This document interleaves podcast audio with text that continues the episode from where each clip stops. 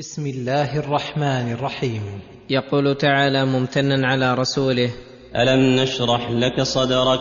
أي نوسعه لشرائع الدين والدعوة إلى الله والاتصاف بمكارم الأخلاق والإقبال على الآخرة وتسهيل الخيرات فلم يكن ضيقا حرجا لا يكاد ينقاد لخير ولا تكاد تجده منبسطا. ووضعنا عنك وزرك الذي أنقض ظهرك ورفعنا لك ذكرك. ووضعنا عنك وزرك أي ذنبك الذي أنقض أي أثقل ظهرك كما قال تعالى ليغفر لك الله ما تقدم من ذنبك وما تأخر ورفعنا لك ذكرك أي أعلينا قدرك وجعلنا لك الثناء الحسن العالي الذي لم يصل إليه أحد من الخلق.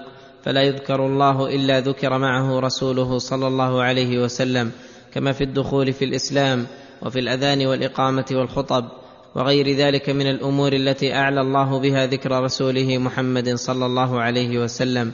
وله في قلوب أمته من المحبة والإجلال والتعظيم ما ليس لأحد غيره بعد الله تعالى فجزاه الله عن أمته أفضل ما جزى نبيا عن أمته.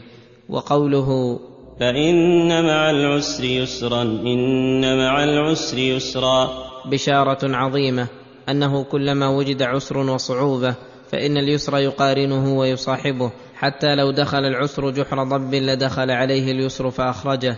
كما قال تعالى سيجعل الله بعد عسر يسرا وكما قال النبي صلى الله عليه وسلم وإن الفرج مع الكرب وإن مع العسر يسرا وتعريف العسر في الآيتين يدل على أنه واحد وتنكير اليسر يدل على تكراره فلن يغلب عسر يسرين. وفي تعريفه بالألف واللام الدالة على الاستغراق والعموم يدل على أن كل عسر وإن بلغ من الصعوبة ما بلغ فإنه في آخره التيسير ملازم له.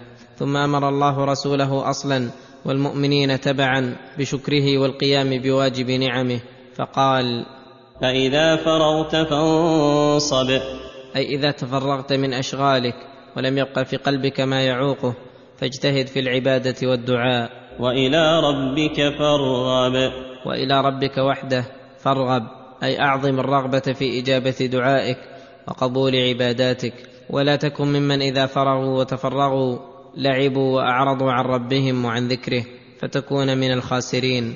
وقد قيل إن معنى قوله فإذا فرغت من الصلاة وأكملتها فانصب في الدعاء. وإلى ربك فارغب في سؤال مطالبك. واستدل من قال بهذا القول على مشروعية الدعاء والذكر عقب الصلوات المكتوبات.